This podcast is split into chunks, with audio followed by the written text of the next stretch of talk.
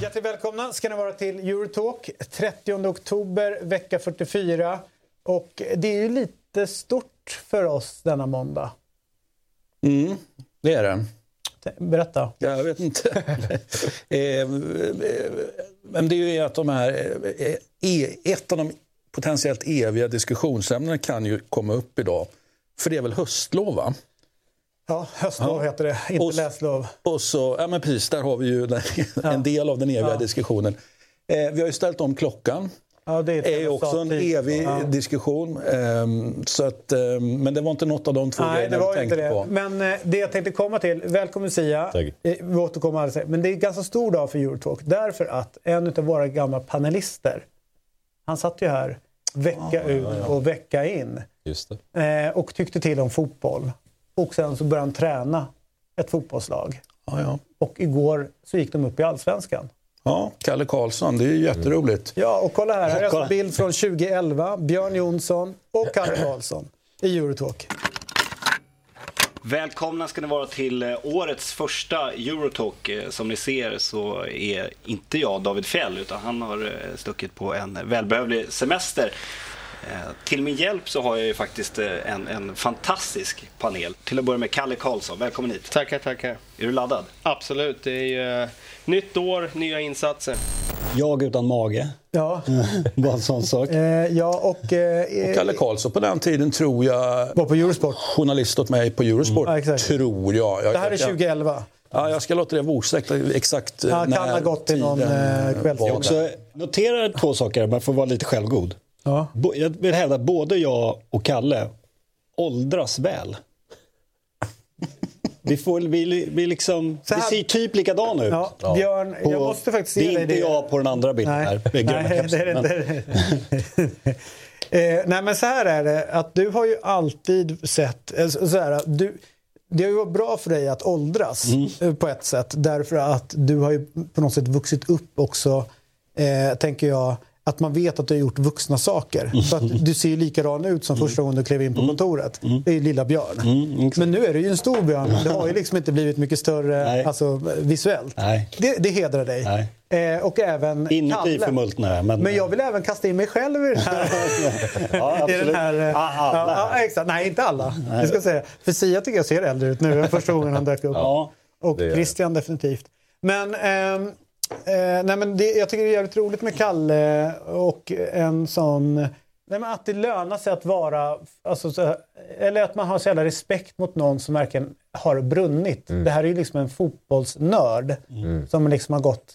Han har verkligen gått den långa vägen. Han har inte haft ett namn egentligen när han började i Karlberg eller andra liksom, klubbar här. Förutom att vara en journalist.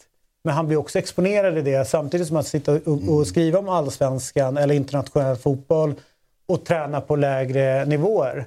Så det är klart att där måste du på något sätt leva upp till det du skriver i spalterna. Och, och, och att folk håller det emot honom mm. lite grann. Och det har inte varit en resa som har varit spikrakt uppåt utan det har varit liksom lite setbacks mm. eller lite motgångar där det inte har gått fullt ut. Men med liksom, liksom pröva igen, eh, fundera, testa nytt, eh, implementera och liksom bara nöta så är han uppe i Allsvenskan. Det är fan hatten av alltså. L'Equips etta idag är mm. riktigt, riktigt stökig och saker som man inte överhuvudtaget ska behöva se i samband med eh, en fotbollsmatch. Du sa igår att eh, polisen borde ha skyddat dem. Tydligen så var det poliser runt omkring eh, det hela. Eh, men det är klart att det här, här finns ju då liksom ont blod sen innan så det finns en viss rivalitet. Men Eh, intressant att um, ta del av rapporteringen i, i, i Frankrike nu. nu. Nu går de liksom, topplocket har ju gått mm. på, på allt och alla. Eh, givetvis liksom skammen som det här för med sig. Eh, det är eh, OS nästa sommar och liksom, eh, nu, nu kommer det tas krafttag, krafttag eh, mm. runt det här. Men vad tror ni på att det är att vi ganska ofta ser ganska extrema eh, yttringar i, runt de, de, de, franska lagen och i synnerhet då nere i Marseille och och, och kanske Paris? Alltså det, det känns hetare än någonsin. Och det är liksom ingen studie som jag har gjort, det är bara en känsla. Så det kan ju vara fel. Men det, det känns som att det är liksom mer extremt, mer våldsamt eh, än tidigare. Och att liksom den rivaliteten där mellan Paris och i alla fall Marseille har växt till sig. Um, jag är liksom inne i, jag sa det igår, att jag är så här, eh, Gusten ställde en bra fråga till mig. Att så här, ska man verkligen ha skottsäkra glas på bussar? Jag tycker verkligen inte det. Men sett till att liksom, det är bara ett par år sedan Dortmund utsattes för en terrorattack på en buss. Och fotbolls, fotbollsbussar, fotbollsspel, fotbollsarenor börjar bli liksom eh, måltavlor. Jag är liksom inne på att jag tror att säkerheten för de här spelarna behöver höjas. Och jag är inte rätt man att liksom gå in på varför det ser ut som det gör i Frankrike, men att, att det här händer, det ser ut så där och det känns enkelt, eh, tycker jag det river upp liksom osköna känslor. Jag, det här, den här bilden, när jag såg den i flödet, jag var säker på att det var något från kriget. Eh, mm. Så oerhört obehagligt och det ska bli intressant att se. Oftast när liksom topplocket går och det blir en så stor sak, då händer ju saker i de här länderna också. Men eh, alltså, det har gått för långt när det ser ut så här. Ja, har ni någon sen, förklaringsmodell varför? Det är såklart som alltid kanske tjatig eh, jämförelse att dra, men det är att fotbollen är ju alltid en återspegling av, av hur samhället ser ut i övrigt. Vi har ju en omvärld, inte bara i Europa, men överallt, som är eh, väldigt, väldigt oroligt och väldigt sorgligt på så många sätt. Eh, jag upplever, precis som Sia säger, det är, jag har ingen statistik att bygga det här på, men jag upplever ju runt om i Europa, den europeiska fotbollen, både i Sverige och i Frankrike och i eh, andra delar i Europa, att det jag ser oftare och oftare att det liksom eskalerar mm. på läktarna eller runt om arenorna. Mm. Vi har sådana situationer eh, där det går väldigt långt. Och dessutom då med alla krig som pågår så finns det politiska budskap. Och det, vi har sett till exempel i, i Glasgow och, och där att man tar fram eh, Palestina-flaggor eh, och hur mycket det är i tv. Det, bara titta nu man, hing, man hänger knappt med vilken, vad tysta minuterna handlar om. Mm. Är, det, är det kriget i Ukraina? Är det kriget eh, mellan Israel och Hamas? Eller är det, är det för att de här två svenskarna som miste livet i Bryssel? Eller, eller är det för en spelare som har, eller en före detta legendar som har gått bort? Man hänger knappt med. Mm. Eh, men som sagt, i det här fallet så finns det en, en rivalitet som är väldigt stark. Eh, och det, det är väl vi kommer väl säkert se stora förändringar, inte minst i Frankrike, vad man gör med, med säkerheten. Men det här vi har ju sett i Premier League också, att de har kastat sten eh, mot, mot spelarbussen, men det har inte gått så här, så här långt. Jag men, tänkte på det igår, liksom, när Roma-bussen... Vad är med supporterbussar? San Siro. Alltså, mm. supporterna står ju och kan röra på bussen. Nu händer ingenting igår, vilket såklart är liksom eh, skönt. Men det är extremt nära. Det krävs bara en person av tiotusentals. Så jag menar, vi har sett ganska många scener också i Holland senaste tiden. Framförallt Ajax har väl hamnat i strålkastarljuset för att det går skit. Men det känns efter pandemin, eh, och jag har läst någonting om det, vet jag, Noah Bachner brukar skriva om det, att liksom ordningsstörningar är på en, går uppåt. Och för att diskussionen var ju så här, det är bara i Sverige det ser ut så här. Men faktan är ju att det inte är så.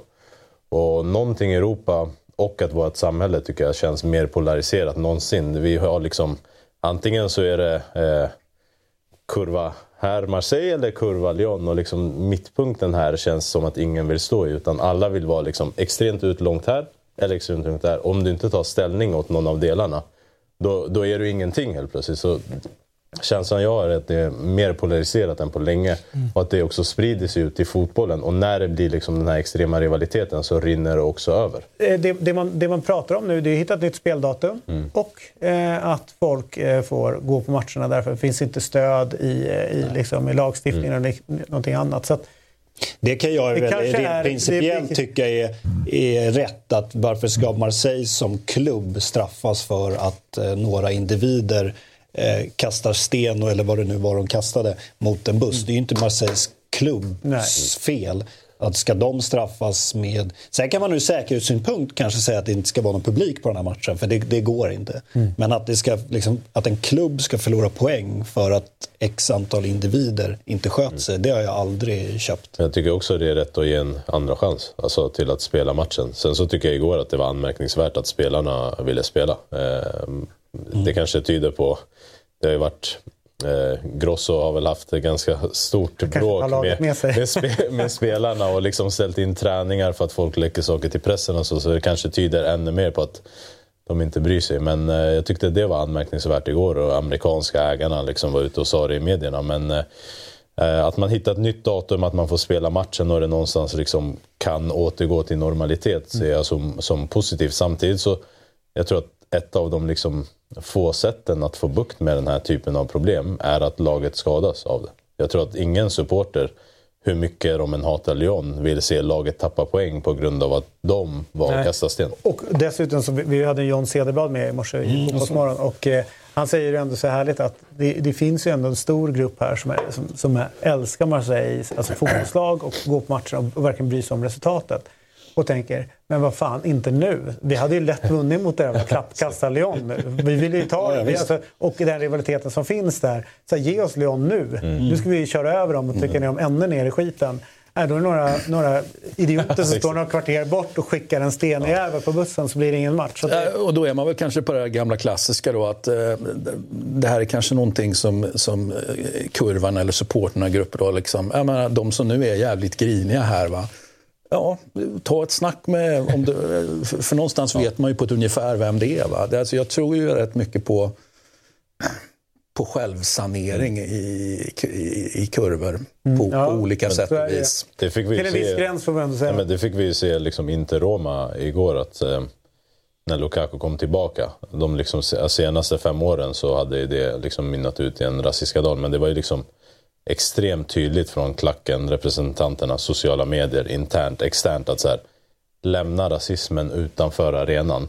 Annars kommer det här handla om någonting helt annat än det vi vill att det ska handla om. Och jag tror liksom att den, det budskapet är mycket mer effektivt än om myndigheterna ska gå in eller om andra kommer in och liksom Absolut. berättar för hur man ska bete sig. Det är ju, eh, om vi nu bara ska kolla på den där, det är ju en fascinerande entré när han kliver in på uppvär- uppvärmningen.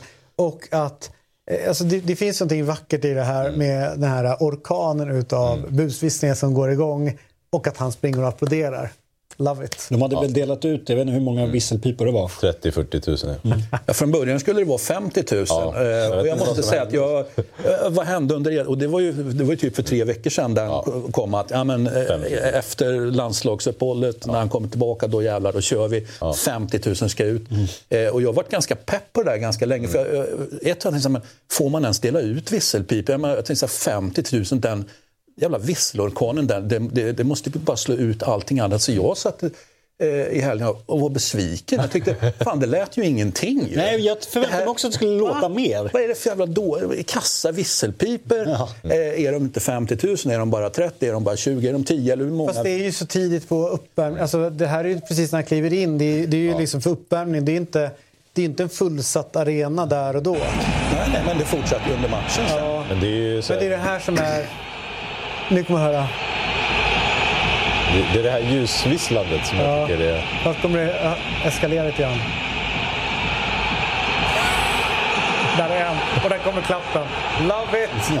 Det är så jävla bra! En naturlig kraftig busvissla slår ju en visselpipa. Hundra Ja, gånger om. det- Sen är det ju inte alla som kan det. Nej. Nej. Men då gillar jag också de som, de som står och skriker. Du och jag Christian hade behövt visselpipa. De som buar genom att stå och skrika Bua! Bua! De är, de är också geniala någonstans. Så blir man så, kan- Men det är ju underbart att bua ut dem. Alltså, eller bua ut ett lag. Alltså, det, det, I love it. Alltså, Ja. det, det, man mår bra av det. Det mår man. Och det är ju också... För vi hade ju en liknande grej här i Stockholm, fast lite mindre skala. När Pelle Olsson eh, lyckas reta upp rätt många på Västra. Och det, det skriks ju om Lantis. Alltså tränare? Ja, ja visst. Lantis och eh, Bonläpp och du vet allt möjligt som står där. Och ja, andra kanske lite mer eh, ja, starka ord mot, mot hans håll. Men då står ju han där med armarna i kors hur långt som helst och sen helt plötsligt så åker den här upp och så kör han den här. alltså det folk visste inte var de skulle ta vägen utan vad håller han på med? Man bara, men vänta fem minuter har du stått och skrikit rätt stökiga grejer till honom och du klarar inte ens av den. Det är det där tillbaka. jag är inne på med Lukaku. Ja. Liksom att han står och ler. Bevisa något då. Alltså, han, jag, jag ser det som sån här, nu ska jag visa att jag inte bryr mig någonting. Sen går han ut 90 osynliga minuter. Knappt en bolltouch. Ehm, de, var ju typ tvung- sämst på ja, plan. men de var ju tvungna att bua ut Acerbi mer eller mindre för att han hade honom i markeringen. Så det är lite sådär... Men, men också tänker jag så här, det måste, alltså så här, eh, man måste påverkas. Ja. Alltså det, det är så jäkla lätt, för, det är inte så kritik, men jag kan också sitta Mm. och bedöma någons insats och så blir man så här, fan borde, det här borde man kunna visa, det här borde man kunna göra bättre, det här borde man kunna göra. Nej, men Lukaku påverkas ju 100%. 100 procent. Alltså- Och det är som, jag blir nästan, inte Mm. varm i hjärtat, men ändå så här, han är ändå mänsklig. Mm. Jo, men det, är ju är därför inte- de, det är därför de gör det mot honom. För att de vet att han är den typen av människa. Jag kommer ihåg liksom när Zlatan och Balotelli med flera skulle tillbaka. Det var mer så här... Akta er lite för de där. För de kanske liksom reagerar tvärtom.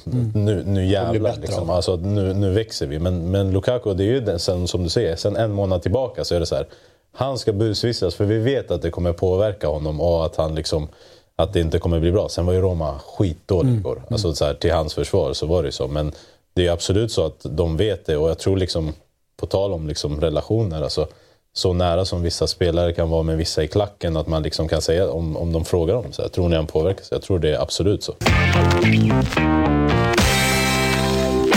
Eurotalk är sponsrat av EA Sports FC 24 och Kalle, ditt Chelsea har det ganska tufft i verkligheten just nu. Hur går det för dem i din FC 24-karriär egentligen? Tackar som frågar. Det går rätt fint faktiskt. Jag har lyckats värva in Vinicius Junior och lira med honom som nia, tror det eller ej. De behöver ju verkligen en nia Chelsea. Fastna nu inte i verklighetens Chelsea-Kalle. FC24 använder visserligen tre nya banbrytande tekniker för att få spelet att bli det mest realistiska fotbollsspelet någonsin, men det är fortfarande du som har makten i spelet. Ja, Vinicius Junior ser sjukt realistisk ut. Det finns över 1200 unika löpstilar för spelarna i FC24, så det har gjorts ett gediget arbete. De har analyserat mängder av videoupptagningar från verkliga proffsspelare, så de ringde ju inte direkt oss och bad om att få filmsnuttar på när vi spelar. Nej, vi fick snacka om spelet istället, på det området där vi betrodda. En till riktigt fin sak med EA Sports FC24 är att de har rättigheter till ligorna vi pratar om här i Eurotalk och ungefär 30 ligor därtill. Det är bra. Vem hade du gett högst ranking i spelet? Oj då. Ehm, Alexia Putellas eller Erling Haaland skulle det nog bli då. Mm, du är överens med spelmakarna. De två delar första platsen tillsammans med Mbappé och De Bruyne. Det är respektingivande att ha sådan koll alltså. Ja, de gör jobbet där borta på EA Sports. Nu är det bara att längta hem hela hösten och hoppas att din FC24-karriär smittar av sig på verkligheten. Det hoppas jag med. Vi säger stort tack till EA Sports FC24 som sponsrar Eurotalk. Ett poddtips från Podplay. I fallen jag aldrig glömmer djupdyker Hasse Aro i arbetet bakom några av Sveriges mest uppseendeväckande brottsutredningar. Går vi in med hemlig telefonavlyssning och, och då upplever vi att vi får en total förändring av hans beteende. Vad är det som händer nu? Vem är det som läcker? Och så säger han att jag är kriminell, jag har varit kriminell i hela mitt liv men att mörda ett barn, där går min gräns. Nya säsongen av Fallen jag aldrig glömmer på Podplay. Helgens bästa match får jag ändå säga är väl nere från Neapel. Eh, jag tycker det var en helt fantastisk fotbollsmatch att, att sitta och kolla på. Vad är era tankar? Ja, eh, min första tanke är att det var, var det verkligen den bästa matchen. jag tyckte det var en annan. Jag, jag, tänker på vad som hände på Sardinien eh, till exempel, lunchmatchen. då. 0-3 4 Men det förstår jag också att det, det kan vi inte eh, prata allt för mycket om. Va? Men det hade sin obestridliga charm, så kan vi säga. Eh, och det hade väl det här också. Eh, och det var ju extremt viktigt, tycker jag, för båda två. Båda två var ju ett, det här var ju egentligen ett, tycker jag, ett dåligt resultat här. För, för, för alltså, Napoli vill ju visa att man, nej, men nu, är, nu är vi tillbaka, nu har vi fått någon slags eh, stadga här efter att det, det, liksom, det har ju gått upp och ner, får man väl ändå säga. Det tror jag att alla är överens om. Eh, men lite mer stabilt på slutet. Och det var snyggt att, liksom, att, att nita Milan då kan man ju tycka.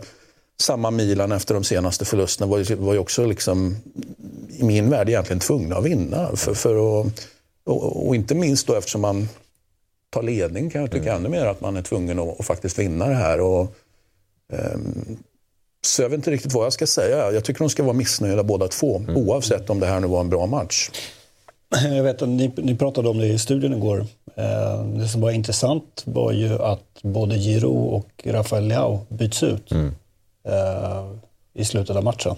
Och båda, framförallt Giroud såg ut som att karriären var över. Typ. Han satt ju nästan, såg ut nästan som han, ja. så här, såg helt bedrövad ut. Och i det här läget, och, och jag menar ersättarna som mm. kommer in, alltså, ja, det var ju lite märkligt. Ja, är det inte häftigt att man är 37 år mm och inte kan hantera jo. att bli utbytt. Det, jag, han kanske inte kan hantera ja, men, men, sin tränare. Nej, men, men bara tänker. så här, man tänker... Man, man lugnar ner sig lite grann med åren. Och så, även fast man tycker illa om tränaren, visst jag går och sätter mig på bänken. Nej, jag tar kylväskan lite längre bort. Det är väl typ Bielsa som håller på med den övningen. Eh, och, och, sen så sitter han där och mm. bilden till vänster så här, sitter, så här sitter ju mina barn. Mm. De är åtta mm. år. Vet, så här, nej, det blir ingen lördagsgodis. Men jag tolkar det lite som, du vet när du kan ha en kompis. För det är inte lördag idag. Exakt. Du kan ha en kompis som du liksom ger tips till hela tiden. Man fortsätter liksom köra ner i diket. Ja. Man sitter så här, hur dum får man vara? Exakt. Lite så tolkar jag det som. Barnen. jag, jag håller med. Han, han, har, han har gjort två mål ja. borta mot Napoli. Eh, 81 minuter, det har varit tre matcher i veckan. Han ser helt förstörd ut, eh, 37 år gammal. Eh, jag, jag, älskar det, för att jag tycker det tyder på en kärlek till spelet att han vill göra hattricket. Mm. Och, um, någonstans är det väl det som gör att han är där han är nu. Men det blir liksom så här, jag, jag, jag, tycker bytet på Leao är förståeligt. För att eh, du kanske vill ha fräscha ben, och få det snabb, han är duktig en mot en.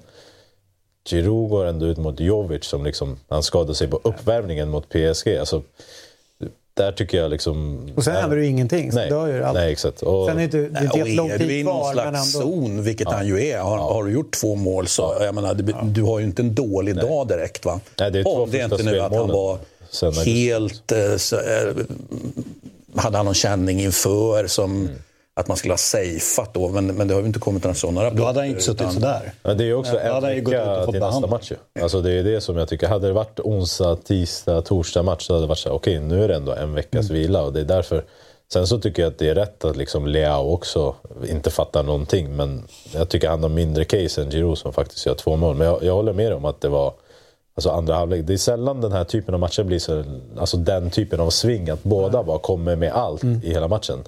Men eh, alltså, det är Reinders där, när det står 2-0, som missar ett helt öppet mål. Jag tycker, alltså, vi pratar mycket om liksom, det här bytet. Sätter du från fem meter... Ja.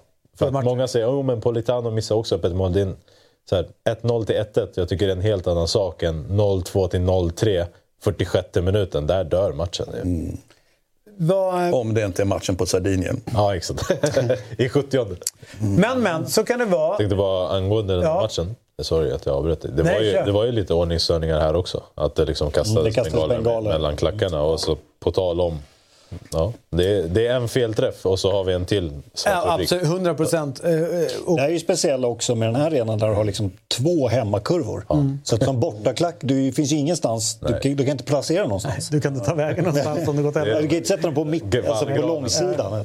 Så att jag vet, eh, den, den här mötet, just Napoli-Milan, var jag och såg för sex år sedan. Och då noterade jag just det, placeringen av bortaklacken. Mm. Det är väldigt nära de brukar ju ha det var, bur. Det, ja, precis. En bur. Då var det en bur. Men det är ändå så här, det, det går ju fortfarande att droppa ner om man vill köra liksom, kasta bengaler och bangers och allt. Det går ju fortfarande liksom pricka in då? Ja, det... kom, du, kom du torrskodd därifrån? Här? Ja, jag satt ju på långsidan. Så att, eh, Jaha, okay. Vi noterade ju dock att även att eh, då var det min flickvän som hade köpt biljetter som en 30-årspresent. Eh, och eh, tänkte, alltså, vi, har, vi har bra platser. Men när vi kom dit så var det några, man, de upptäckte ju ganska fort att vi var inte locals. Liksom. Stor skräll. Eh, och de sa, bara så ni vet, det är inga numrerade platser någonstans. Nej, så det är bara, vill ni ha en bra plats, gå in tidigt. För ni kan inte komma och hävda. Inte ens liksom mitten-mitten kan man hävda att Excuse me, är... but this is my seat. Ja.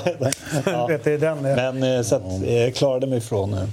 Men här hade ju faktiskt. Milans eh, kurva eldat på inför matchen och eh, med, med, med, ett, med ett långt brev, eller långt och långt, jag vet inte hur, hur långa de där breven brukar vara, men ett hyfsat långt brev i alla fall. Att, att det här är den absolut viktigaste bortamatchen vi som Milan har. Glöm, glöm eh, derby, så att säga, bortamatchen, glöm, glöm Juventus. Det är mot Napoli, det, det är där vi visar vilka vi är för att de avskyr oss så mycket. Jag kan, Jag fattar. det stod mer i brevet också såklart. Va? Men, eh, så, så det var ju hårdkörning, eh, organiserad hårdkörning får man väl ändå säga inför. Så det var inte så konstigt att det blev lite stökigt. Är det stökigt också mellan eh, alltså, ultrasgrupperna? Mm. Är, är- är det vanligt förekommande nu i, i Italien? Vi Alltså- vet ju att för några år sedan så när, det var, när de verkligen blev så här, nu måste vi nästan stänga ner. Nu får man inte åka på bortaresor, man ska, man ska ansöka någon jävla bortakort. Vet, Mm, det Hela det där liksom. Men alltså Milano-lagen och Napoli, eh, alltså det är som det här brevet säger, det är liksom det är en sån här, eh, ofta, Napoli-fansen brukar ju alltid liksom håna eh, folk som kommer dit med ja men ni är 10 000 i Europa och sen kommer ni hit med 100, ni är fegisar liksom. Och Milano-lagen har ju en ganska stark rivalitet med det här. Så var inte Napoli för tre år sedan när, när någon dog och det var liksom 30-40 knivhuggna så det är ju liksom en högriskmatch på det sättet. Sen så incidentmässigt tycker jag inte att det har rapporterats så mycket på liksom just mellan kurvorna. Men just Neapel borta för eh, nordlagen och in, inte bara Milan Inter men även Hellas Verona. Där var det bråk förra veckan när de mötte Napoli. Eh, vi pratar Atalanta, eh, de här typen. Så det är ju verkligen den norr-syd är ju extremt, extremt stark. Visst kommer Juventus, eller kommer Juventus fortfarande undan med att liksom ha gett arbetstillfällen till många där nere och att det finns... I Neapel? Ja, men i södra, i södra. Eller har de, är de tillbaka till att Men det är ju vara värre. som vilket randigt lag som helst? Men det är ju värre för att där finns det ju liksom lokala från regionen som håller på Juventus och de hatar de ju ännu mer. Alltså det, så det Men finns... samtidigt är ju de som håller på randigt väldigt många, det ska man ju också Ja, ja, de är ju... De Och de är ju många även i, i, i eh, vi behöver inte ta Lecce som exempel eller Bari som exempel utan vi kan ta, ta Neapel. Eh, det finns säkert en, en procentsiffra här om hur många av, av liksom potentiella fotbollssupportrar i Neapel håller på Juventus. Då tänker man att ja, men det, det måste ju vara försvinnande få, det kan vara liksom någon enstaka procent. Den De är siffran är, ju många, alltså. betydligt högre. Eh, det, det är ju, sen att det inte Alltså, det finns ju en självbevarelsedrift. De syns ju kanske inte sådär speciellt mycket. Om du har en, en, en Juve-klubb eh, nå- någonstans i, ja, men då får du, i, i Neapel, då, då får du räkna med att ja, men du är lite för tydlig med att den här klubben ligger där, ja men då går ju rutan förmodligen varje vecka. Eh, Eller va- varje dag kanske jag att ta i. Men, eh, så de vitsvarta är ju tyvärr då säger jag, överallt. Vi kan ju landa i det vi börjar med. Det är en stökig eh, omvärld var det att förhålla oss till. Läktare som brinner upp eh, och så vidare. Men eh, vi gör så att eh, vi tar oss till England. Där är allt lugnt och, och städat. ju. Ja, det har ju Thatcher sett till. Ja, sen gammalt. Det är ju sen gammalt, ju, eller hur? Det, Eh, det finns ju någonting som är... Jag, jag vill inte förespråka att man ska skada folk, vet så. Eh, eller mörda eller någonting. Men alla känner ju till... Det hade ju varit sjukt om ja, du förespråkade det. Ja.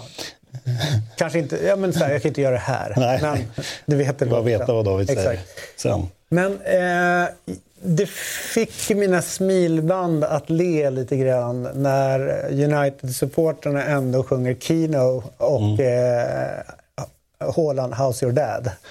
Det finns... Alltså det är ju hemskt det som hände och det är en Aj, fan. fruktansvärd tackling han gör på det. Ja, nu var det och alla inga vet ju varför. och, och sådär liksom. Men det, det är... ehm, och sen så blir det payback time. Och liksom, sen får ju Haaland sista ordet ändå liksom, med två kassar och eh, lämnar United med sina besvär och kanske sina sånger.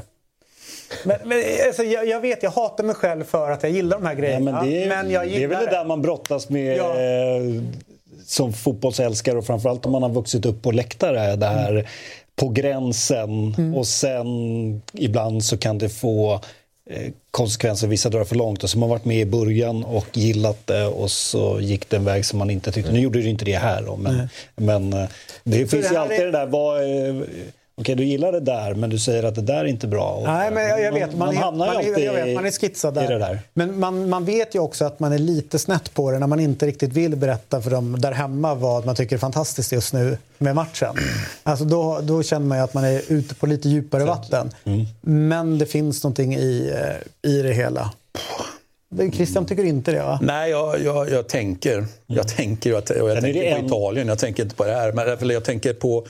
Jag tänker, vi hade ju Bobby Charlton som ju, han blev ju visslad häromsistens av, eh, det var väl City va? Var det City va? Ja. Ja, det kan... Nej, eller var det inte matchen innan eh, när han precis hade gått bort? De hade kvällsmatch mot... Ja men exakt, Några men, helger. exakt det var City. Men det var City, City nu i som- helgen. Ja, men det var City som buade honom för att det var tyst minut, Ja. Mm. rent generellt. Eh, Så att, så det där tycker jag, det där är ju, och- Italien har vi ju alltid det här med, med, med, med Superga-laget och, och, och, och Juventus och hit och dit liksom. Och, jag funderar på om det finns någon, om, om, det, om det alltid bara är så här gör man inte eller om det finns liksom, okej nu har det gått 200 år, nu så Kanske, men det jag vet jag här upplever var att det att... finns ju någon typ av, eh, jag ska inte prata för hela fotbollsvärlden här, men i alla fall i Sverige. jo, det jo, finns kör en oskriven regel att tysta minuter rör man inte. Och är det någon jävel som gapar så då Problemet är där är att grejer. någon pratar- Och här var det väl, jag, för här var det, nu var det en stor Applåd.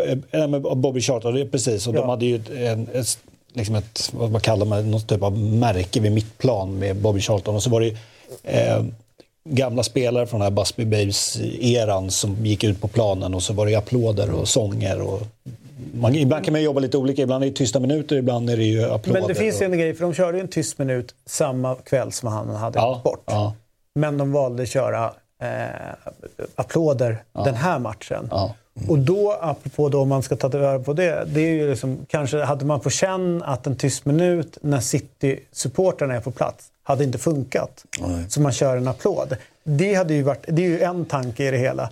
Den andra är ju att jag tycker det är mer härligt med en minuts av applåd. Nej, det, kan Det jag beror ju på vad det är för absolut. typ av eh, fall här. Har vi ju en, en, en legendar som gam, har var, var gammal och var sjuk och det var ju liksom någonstans att, ja, eh, vi alla ska ju den här vägen vandra någon gång och det var ju någonstans Mm. var hans tid var kommen. Sen finns det ju de här tragiska fallen eller eh, Ja, men där- som är mer chockartad. då är det väl mer Ja. läge för en kanske tyst minut än en applåd. Mm. Här, här blir det kanske mer lämpligt och värdigt att hylla Mm. eh, personerna som har gått bort mer än att det är kanske då, det är klart det finns en sorg att Mm. han har gått bort men det var ju någonstans lite mer väntat. Ja.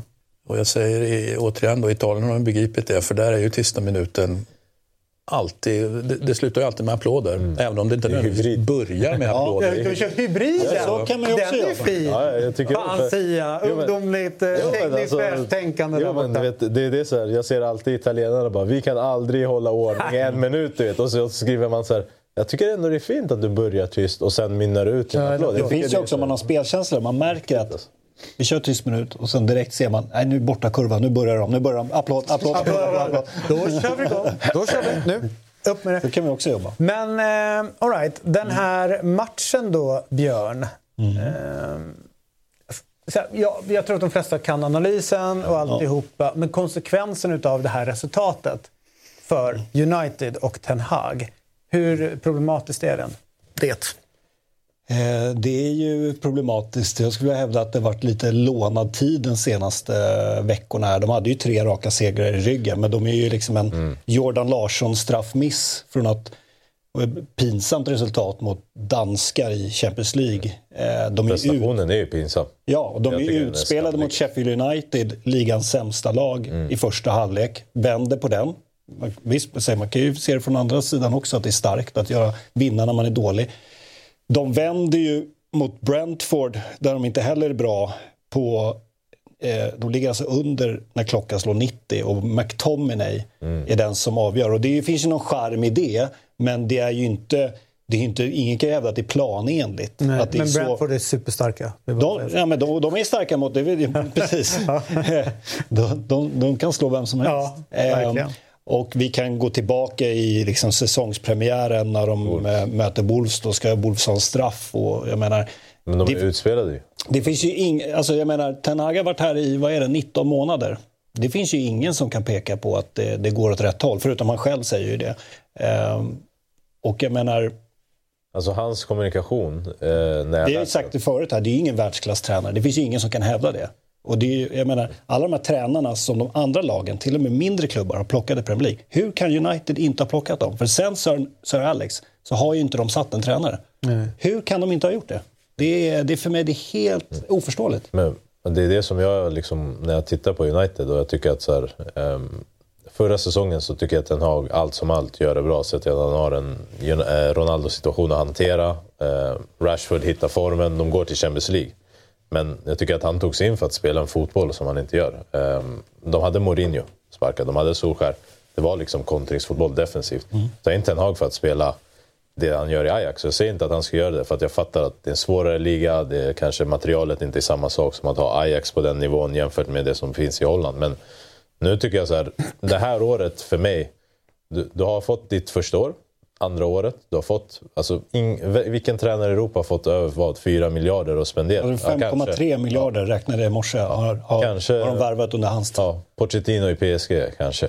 Ehm, Två år och så, och så handplock, det är dina gubbar liksom. Det är, det är Anthony, det är Onana, det är eh, Mount. Ehm, I år, två miljarder. Och jag tycker så här, då kräver jag i alla fall utifrån att så här, nu måste spelet se ut som någonting. Det måste finnas en idé, det måste finnas en tydlighet.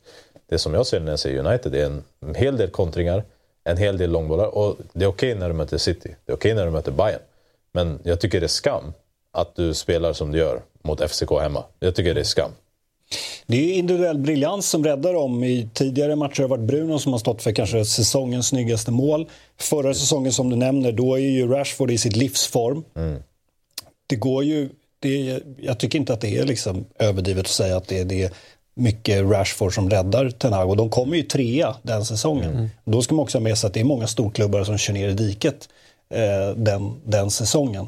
Och jag menar, vi pratar värvningarna de har gjort. Jag såg att jag tror att vi har den, men jag såg att Sky Sports la upp vad forwardsarna har presterat i Premier League den här säsongen. Alltså titta på de här siffrorna. Det, visst, spelarna ska ju ha sin del av kritiken och det är ju rörigt i klubben med en Eh, med Glazer som är hatade och med Radcliffe som kanske ska in. Qatar kanske skulle in förut, nu ska de inte det. Det kanske ska in en sportchef, men det är inte så det är inte så att spelarna springer runt på träningsanläggningen och säger jag kan inte göra mål för jag vet inte om Radcliffe kommer in eller inte.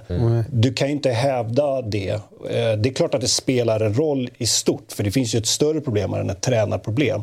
Men titta på de här siffrorna. Alltså det är ju, det, det, hur, kan det, hur kan det vara så här? Det, är, alltså det ska ju bara inte gå. Vi ska säga att de här siffrorna i Premier League. Anthony har, sedan han kom till Premier League, fler gula kort än mål och assist. Han kostar en miljard. Det, ska inte, det ska inte vara möjligt. Nej. Eh, mina kompisar som håller på United är ju så knäckta och ser eh, liksom rätt och slätt som att vi spelar med tio man. Alltså, de, de räknar inte med han som en, Mm. liksom, någonting som är positivt för United under en match. Jo men Aj- Ajax, Ajax garvade, alltså de, de trodde ju aldrig United skulle komma tillbaka med det budet. Alltså det säger de ju från, från Holland liksom att så här, de trodde inte sina ögon när de kom tillbaka med, med miljarden. Alltså det var liksom, jag har sett liksom tweets som så här, från tre år sedan när någon har skrivit så här, för den här summan är det här den värsta värvningen United någonsin kommer ha gjort och så kommer det upp nu igen. Och Alla visste ju. Alla visste. Och jag tycker så här, när man ser att han är bra, jag tror det är det Nottingham de möter när de vänder 0-2 till 3-2. Eh, liksom den halvleken där, när United etablerar spel på offensiv planhalva, det är mycket en mot en då är ju han bra. Men om han ska spela i ett lag som liksom kontrar, då är han totalt värdelös. Och det, jag tycker de här XG-siffrorna är intressanta att titta på individuellt, men det tyder ju också på att det finns ett kollektiv som inte kan skapa alltså, offensivt spel på, på tillräckligt bra sätt. Det, eh, det som ändå dyker upp eh, efter den här matchen är ju också då kanske eventuellt en brist på ledarskap i, i United. Eh, och att eh, eh ja, spinna vidare då med, med Ten Hag så, så är det ju att han hamnar ju i konfliktsituationer. Alltså, du nämnde Ronaldo som fanns förra året. Vi hade Harry Maguire-situationen inför säsongen. Han kanske skulle bort. Han åkte bort med lagkaptensbindeln men som många tycker, bland annat din kollega Jonas Olsson, att Harry Maguire har ju alltid burit kat kaptenskapet med en, mm. som en värdighet runt det hela.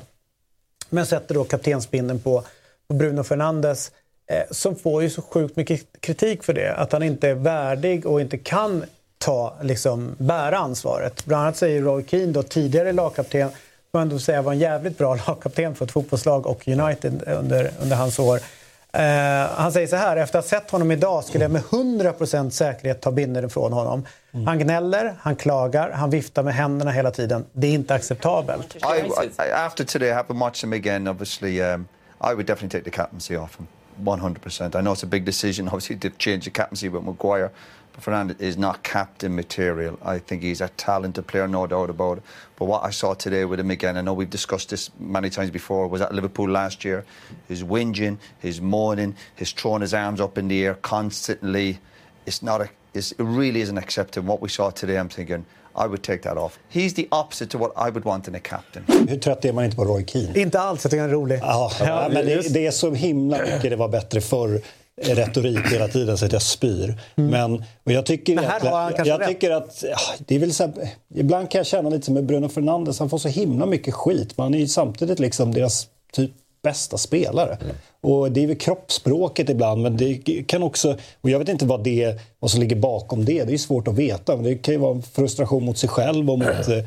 vart den här klubben är på väg någonstans. Mm. Eh, det är mångt och mycket han som räddar den här klubben i, i många matcher. Så att, sen vet inte jag om han är kaptensmaterial mm. eller inte. Det är ju väldigt svårt att avgöra. Men... Men så då tänkte du på vem, vem ska vara kapten? Rashford, eller? Och vem ska bestämma vem som är kapten? Det tycker jag, den diskussionen har vi haft här många gånger. Att, eh, jag kommer inte ihåg när vi hade uppe den senast, men då var det där med Eh, jag tror det var Martin som sa då att eh, nej, nej, nej, men det, det, det måste, det, måste det, det är omklädningsrummet som bestämmer. Det kan inte, det kan liksom inte tränaren, nu kanske jag hänger ut Martin, det kanske inte alls var han då, va? men, men apropå den här diskussionen, vem är, liksom, har du som tränare, det vill säga Ten Hag i det här fallet, Eh, är det han som då har, har strippat honom, eh, det vill säga Maguire, och, och gett den då? Och, eh, eller var det så att man tryckte på från omklädningsrummet att det skulle ske? Jag vet inte, jag, jag följer inte United så, så noga så att jag kan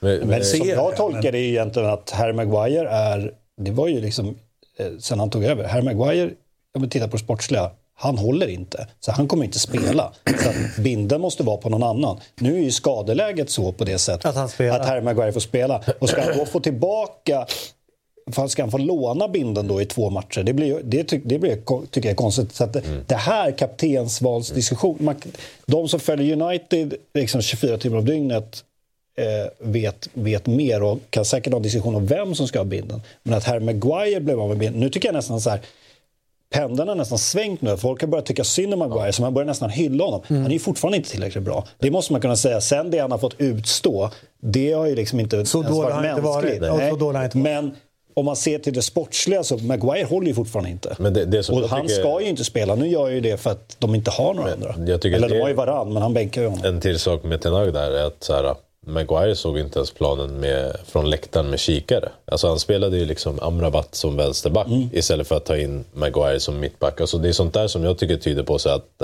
det fin- han har ingen aning Tenaga. Att helt plötsligt så hellre en mittfältare som vänsterback och så kör du liksom, vad är det, Evans mm. med fler. Och sen så helt plötsligt, ja men nu kör vi Maguire så vinner han en match. Då är han helt plötsligt given och då kör du Dalot, Lindelöf på kanten och Amrabat är tillbaka på mittfältet. Där blir jag så här men för, för mig, även hur dålig en Maguire är, jag tycker han är en bättre mittback än Amrabat kommer vara vänsterback mm. alla dagar alla i veckan. veckan. Och, och det är där jag blir så här... Så jag tycker att Lindelöf har varit bra som ytterback. Ja, och, och, och, och, och, han har överraskat. Nu vet vi som känner liksom hans karriär sen gammalt att han spelade och jo. har spelat mycket, men jag tycker att han är mm. bra. Jo, men det, alltså, om jag vet att Lindelöf har varit högerback i alla fall, för jag trodde att Dalot skulle gå till vänster och Lindelöf skulle vara högerback, så skulle du spela med Maguire i mitten liksom, och in mm. Amrabat på mittfältet. Så tycker jag det blir liksom, att, att Ten Hag då börjar laborera med Amrabat som vänsterback, det blir extremt kostsamt mot Galatasaray då.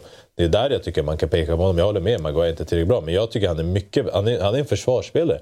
Det är ont att möta honom. Han går in i duellen. Han hatar att förlora en duell.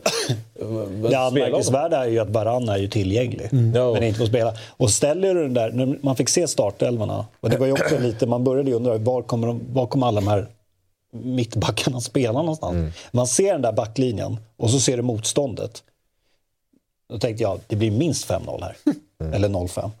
Eh, det stannar ju bara på 0 Ja, men det är också det, alltså Va- Varann, det, det, han, har, han har vunnit allt som går att vinna. Det är liksom en toppspelare. Och så säger han att det är taktiska skäl. Va? Jag, jag förstår. Alltså Evans tycker jag har väl varit helt okej. Maguire har varit helt okej, men mm, Varann kanske inte har presterat som han gjorde i Real Madrid. Men det är fortfarande Varann. Alltså jag, om jag är Haaland så tänker jag så här. Fan, idag möter jag Varann. Liksom. Det kommer göra ont. Han kommer knä mig, han kommer armbåga mig, han kommer sparka mig. Det kommer göra ont. Då ser jag Johnny Evans, Harry Maguire om jag är Haaland. Alltså, det är fest. Wow, yes! Tre mål minst.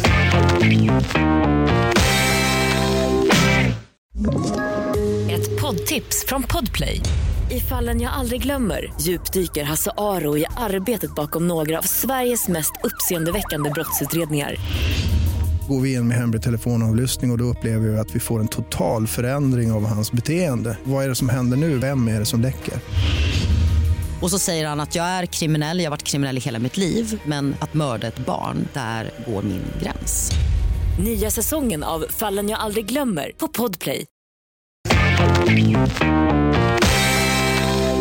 Det var ju en eh, speciell inramning på den här eh, El Clasico. De spelade faktiskt i Spanien, eh, så de åkte inte till Qatar eller någonting annat och spelade matchen. Men däremot så eh, hade de ett samarbete med sin eh, arenasponsor Spotify. Eh, och, eh, då eh, så gjorde de en hommage till Rolling Stones. Nu måste jag alltså säga att det här, det här albumet är bra. Och det är överraskande bra. Och det är överraskande att det är gubbar uppåt 80 som står för musiken. Eh, och det är ju ändå härligt att de är vid liv, att de kommer upp där. Men eh, fan, är det Gökboet som är ute och åker eller är det Rolling Stones som är ute och åker? För nog fan såg det roligt ut med dem på läktaren, eh, de två. Eh, och de fick en fantastisk start på det hela. Efter sex minuter tror jag så är det 1-0. Eh, och eh, Det, det, ja, inra, det måste vara en av de sämsta El Clasicos som spelas på väldigt, väldigt många år kvalitetsmässigt, är min känsla. Vad tänker ni? Att det inte spelar någon roll så länge Jude Bellingham är på plan. För det betyder ju att världens eh, just nu bästa spelare Ja. förmodligen eh, var på plats och gjorde det han skulle. Det, det skulle jag ha tagit med mig då, som neutral åskådare. Eh, Man bara tänker tillbaka på, eller så här, om man kollar på det laget som Barcelona ändå liksom får ut i det hela så är det väl klart att det, det, det är bra spelare. Men under rätt många år pratade vi också, absolut, men många år pratade vi om att inte Milan inte var på den nivån. Men så fick vi för något år sedan här att det bara, wow, nu är det tillbaka. Jag känner ju inte med de här två lagen mot varandra att El Clasico är på den nivån. Men det har väl, det, som man det har väl varit lite Jag- så jag- sen Messi och Ronaldo lämnade. Men jag tycker också, lite som jag tror Sia är inne på och, och som Christian nämnde, kanske att det börjar komma tillbaka. Speciellt med en sån som Bellingham. För här har vi ju liksom en, en världsstjärna och det är ju häftigt att följa. Det där är ju liksom en, en tröja som kidsen kommer vilja börja bära. Alltså, eh, och kanske redan gör. Ja, min grabbs favorit. Ja, Det nej, men, och det, det är ju så häftigt. Så kanske att vi börjar gå mot att El Clasico snart kommer tillbaka till att bli... Det är ju alltid stort. Eller det- men jag menar, det många- kommer ju aldrig bli liksom, kanske, eller aldrig ska man inte säga, men som Messi och Ronaldo-tiden. Iniesta, Xavi och alla. Men, Men vi börjar kanske komma tillbaka Många var jävligt unga i den här matchen. Och jag tänker liksom att de har inte lyckats stöta och blöta klassikos mot varandra tillräckligt många gånger för att det ska ligga liksom, saker som Intrig. spiller över till nästa. ont blod menar du? Exakt.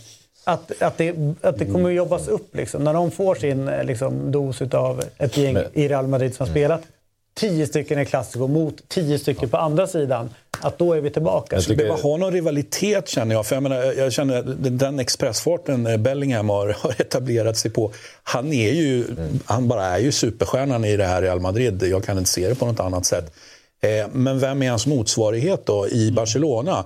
Vem är det? mm, Liksom, aha, det skulle vara någon helt fantastisk eh, offensiv spelare och det kanske håller på att bli Joao eh, Felix eller inte.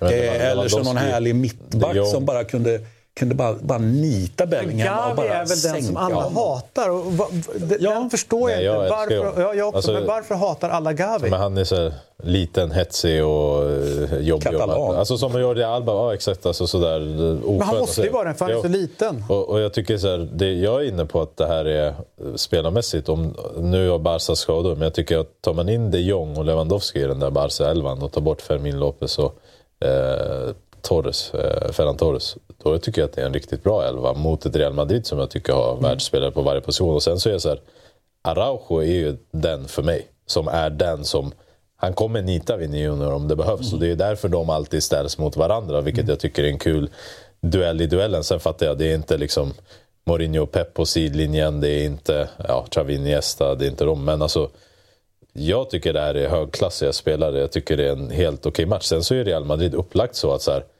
vi kan vara skit i 70 minuter. Men sen har vi, vi har Vinny som kan lösa en match på egen hand. Vi har Bellingham som kan lösa en match på egen hand. Vi har tillräckligt bra spelare. Och någonstans så fick jag i alla fall de svaren jag ville ha. Att Gavi tyckte jag var Barcas bästa spelare på plan. Kamavinga var bänkad, kommer in, tycker han är hur bra som helst. Men att det är liksom Bellingham som tar tag i matchen, kan, en fråga till er då, ni som är, kan allt om fotboll, eh, som jag kan störa mig lite på man säger. Eh, men, eh, då, då blir omdömet... Fjäll passivt aggressivt. Okej, ja. Nu kommer shotsen. Ja, men då säger de så här, Bellingham gör inte mycket alls den här matchen, han gör bara två mål.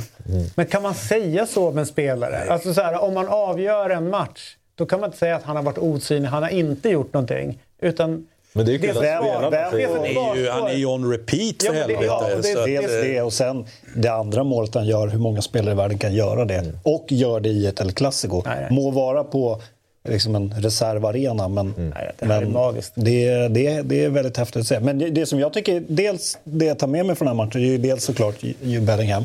Men också det, det Gündogan pratar om eh, efter matchen. Jag tror vi kan lyssna på det. Har vi det så vi kan höra? I don't want to say something wrong, to be honest, but uh, I was not in the dressing room, and um, of course, people are disappointed. But um, especially after such a game, such a big game, and such a result, you know, that is so unnecessary, I wish more frustration, more anger, you know, and more uh, disappointment. And um, this is a little bit the problem, you know. It's I don't know. It's just uh, there has to be more emotion, especially when you lose. And you know, when you you know you can perform better, you can do better in single and certain situations, and you just don't react, and this just transfers to the pitch at the end of the day. And um, we need to we need to make a huge step in that. Otherwise, um, Real Madrid or even Girona is going to run away. Jag, tycker, eh, för jag, jag fastnade som fan på den. Det säger jävligt mycket om eh, the state of Barcelona just nu. Ja, och det kanske... Det är liksom en ny generation spelare som växer upp och, och, och allt vad det innebär. Men det är ju väldigt intressant att höra en sån världsspelare som Gündogan prata på det sättet. Jag hade förväntat mig liksom att, nej men, nu säger jag inte det ordagrant, men typ att stolar skulle ryka i omklädningsrummet, att spelare skulle gå i luven på varandra. Och liksom, varför gjorde inte du allt vad du kunde i den här matchen? Varför låg det inte Real Madrid-spelare nere på marken? Eh, Det är en kulturkrock ju. för att, liksom, varför vi gick inte in i döden för att vinna den här matchen. Och, Det är ju det här du väntar dig att Cristiano Ronaldo ska berätta att han behöver, eller kommer ut och säger när han eh, liksom åker till Saudi och kör. Men, men här, här han gör, Det här är ett El Clasico. Här, det här är ett El Clasico och det är Barcelona och, eh, fan, och Gündogan, fan ny spelare i år. Det, kan, det, är också, det är också helt otroligt. Ja, det är också inte en spelare som jag kanske förväntade mig skulle, det skulle dra det. Att, jag, jag skulle nästan kunna tolka mig, eh, utan att man utan att jag någonstans i närheten att känna Gündogan att han kanske inte var den spe, eller är den spelaren som så här, liksom lackar ur något totalt efter en förlust i då City eller så här, men att, men att han är den spelaren som går ut och säger "Ba- det är också Men där, där tyder ju på att... Det är, och då kanske det är ett beställningsjobb, ursäkta. Mm. Det kan det ju mycket Eh, så vara. att, så att det, det, det, om, om- du har rätt där då att hans, det, här är, det här är inte Gündogan, ja men då kanske det är så enkelt. Det att vet jag inte, men det- det Xavi kanske är har, mycket har, väl är. nu, nu, får, du- du får, fan- nu får du fan ta Ja, det. men för visst är det ju, han, det är ju inte så att han bara står där med micken och bara, det bara kommer ur honom. Utan det är ju, han håller ska ju ut med ett länge. budskap här. Liksom. Han håller ju på Ja, ja. länge. Det är inte... Vad tänkte du säga? Det är nästan som att han har haft någon, tal, någon som har Ja, men det är förvånansvärt långt. För menar att I vanliga fall när man säger en sån sak, då brukar det bli Liksom, du kanske får ur dig en mening och sen så kanske du får en, en, en fråga, vad menar? Och så kanske du förtydligar med en mening till. Men han står ju för fan i tio minuter och pratar. Nu- överdriver jag, men alltså, han håller ju på verbal väldigt kille. länge. Jag vet. Nu Sia, kör!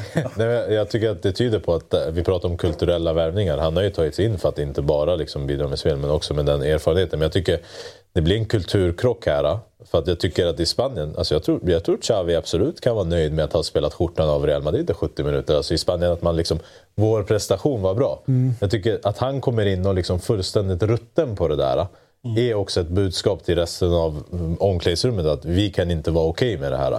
Och någonstans så är det befriande för oss för att vi vet när vi ser intervjuer att allt är medietränat. De väger sina ord. Och han börjar intervjun med att säga jag ska inte gå för hårt. Men sen går han Ja. extremt hårt. Tar själv ansvar också.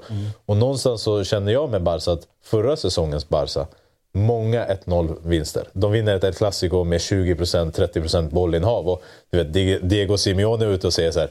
Du vet, ni som har gett oss lektioner, nu är det helt plötsligt inte så fult att vinna med 1-0 Nej, va, när ni vinner en liga. Så förra säsongens Barca tyckte jag var bra på det sättet att de kunde ta den typen av förluster.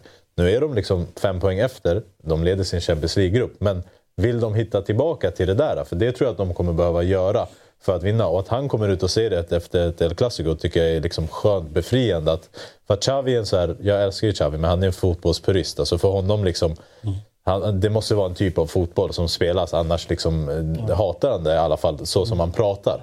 Eh, tänker efter matchen mot Getafe när han är ute och liksom så här, de spelar inte ens fotboll.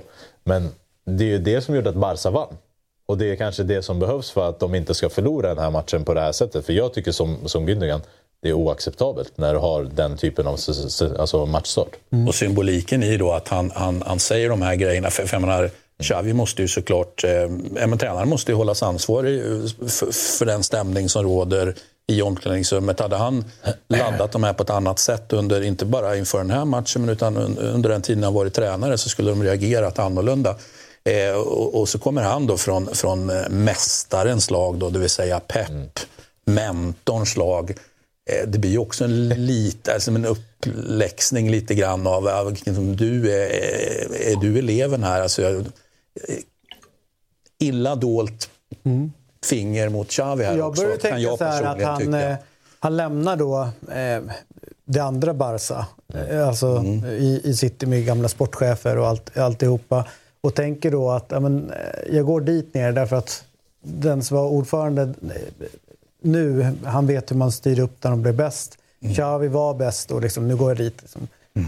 Och så får han någonting som är så långt ifrån kanske liksom det besatta, det inkörda och liksom den här vinnarmaskinen som, är, som Pep och de har skapat.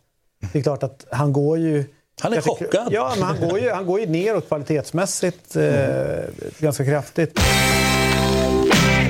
Men jag tyckte när man satt, om man bara ska lyfta lite grann om...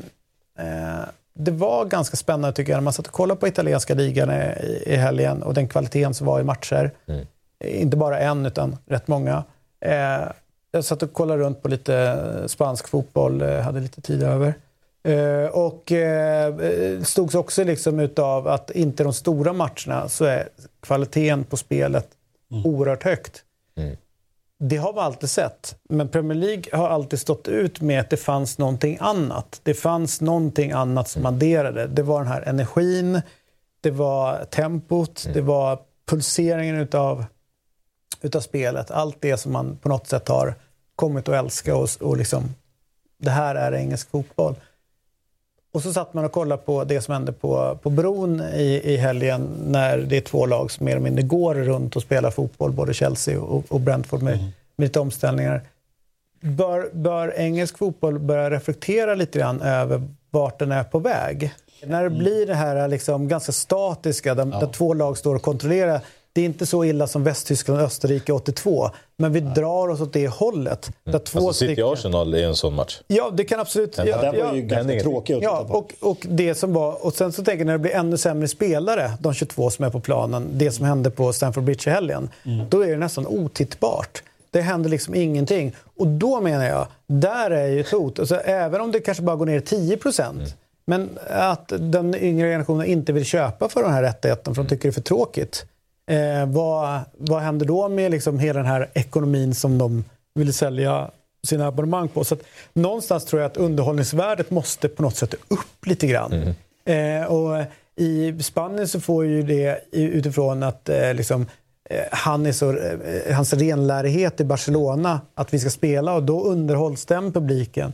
Real Madrid på sitt sätt Mm. och har Atlet. kvaliteten. Atletico som flyger fram nu gör det på så. Jag ser inte att man blir underhållen på det sättet i, i England. Fast det, det ska inte vara på samma sätt, men på någonting. Jag till exempel hade önskat att om någon bara smäller på lite grann. här, Alltså bara så att det händer någonting. Bara någon känsla. Så här, gör någonting. Men tar du ut känslorna ur sporten, lite som jag känner när jag ser på Premier League, för att jag liksom uppskattar inte kanske alltid intensiteten, fysiken och sånt Nej, där. för att du Jag- jag- torkar tempot. Ja, Kör på. ja. jag, jag känner väldigt mycket för det här som vi pratade om på San Siro i helgen. Att nu kommer det 30 000 med visselpipor. Alltså att det finns en levande supporterkultur. Mm. Där känner jag att så här, om en Premier League-match är dålig och jag inte har fansen, då, då dör jag. Som det var på Stamford Bridge. Ja, alltså och det- där var även publiken katastrofala. Alltså det var ju bara de från Brentford som, var, som hördes. Mm. Övrigt var det knäpptyst. Och då blir det ju nästan en tragisk... Och det är lite samma med Arsenal City tycker jag. Att Ja. när en sån match liksom inte bjuder upp. I Italien så, så här, Milan-Juventus är den typiska matchen året tycker jag som är liksom, Inter-Juventus också. Där är fotbollen är sämst. Men supportrarna kan hålla intresset vid liv på ett sätt.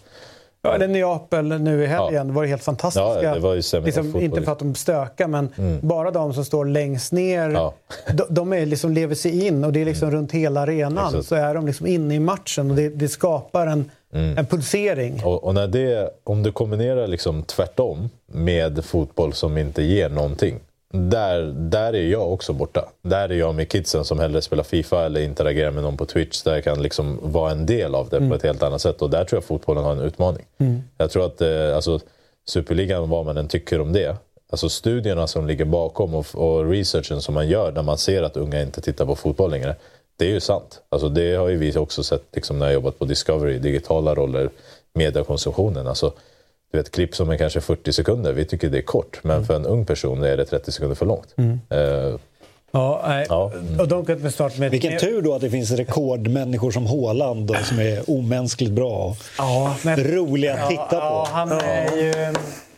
Jo, men det är där vi måste, vi måste liksom kanske göra en liga där Haaland och Mbappé möts varje match. För det är då, då kan vi börja sälja. kolla. Ja, exakt. Ja, nej, men det, det är väl kombinationen där som du säger när det blir också helt öken Mm. på, på läktaren när de liksom har lyckats stävja allt som ändå ger, ger kan ge energi till en inramning. Men det, och det, det är väl där en, nu, en pandemi, då, då var det åtminstone tomt. Nu sitter det 30 000 och det är tyst. Då blir man ju ännu mer frustrerad. Nej, men det är väl en intressant spaning om det är så att flera av storlagen i Premier League spelar kanske lite mer kontrollerande och lite så här handbollsanfall och eh, att det går åt det hållet. Men det, i utvecklingens anda så kommer det väl alltid någon, något svar på det där. Och, eh, Längtar tills vi är tillbaka till och samtidigt tycker jag att det är kul vad gäller Premier League att City har inte ryckt med fem poängs försprång. Utan det är ett Spurs som med en tränare som knappt någon i det här landet visste ens ex- existerade för ett år sedan. Eh, liksom en grek-australienare som ser att de har liksom 8-2-0 eh, när de dessutom har sålt sin världsstjärna. Inför Han är så icke liksom, så här, att man brydde sig om honom. Att jag tror att jag har kommenterat tre av hans lands, alltså med Australien. Och antagligen suttit och försökt säga hans jävla efternamn flera Ja, gånger. Eh, och eh, sen när han eh, tar över Tottenham var i, så jag så här, "Pff, aldrig hört Det var kul om." när han beskrev att, eh, man pratar ju, han sa ju det, man pratar ju alltid om att, att eh, hemmaplan ska vara ens borg. Vår hemmaborg har blivit en, en, en nattklubb.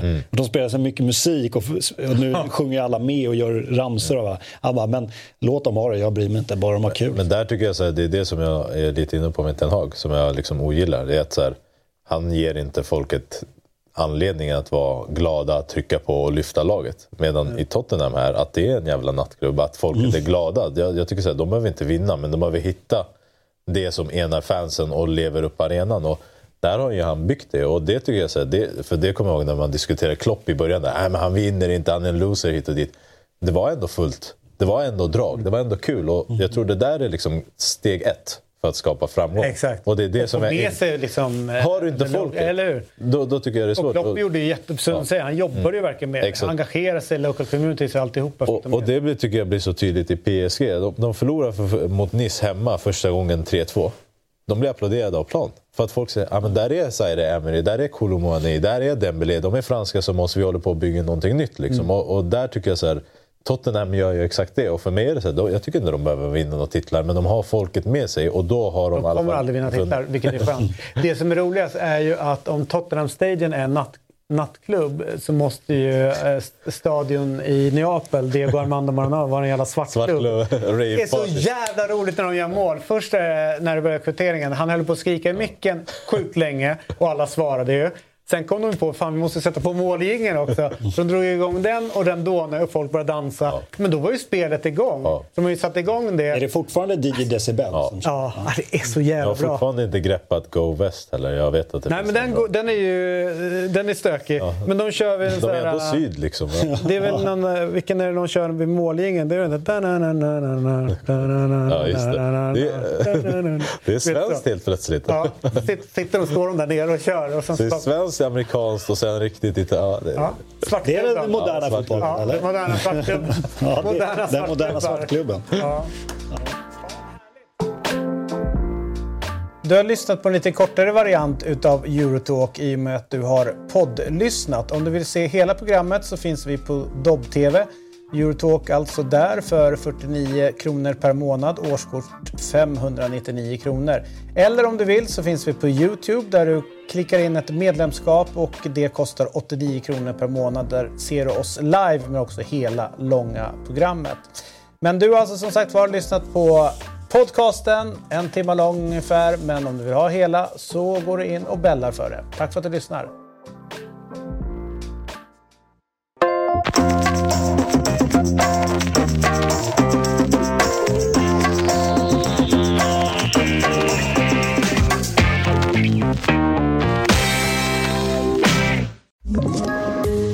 Poddtips från Podplay. I podden Något Kaiko garanterar östgötarna Brutti och jag, Davva, dig en stor dos skratt. Där följer jag pladask för köttätandet igen. Man är lite som en jävla vampyr. Man har fått lite blodsmak och då måste man ha mer. Udda spaningar, fängslande anekdoter och en och annan arg rant. Jag måste ha mitt kaffe på morgonen för annars är jag ingen trevlig människa. Då är du ingen trevlig människa, punkt. Något Kaiko, hör du på Podplay. Därför är gardinerna.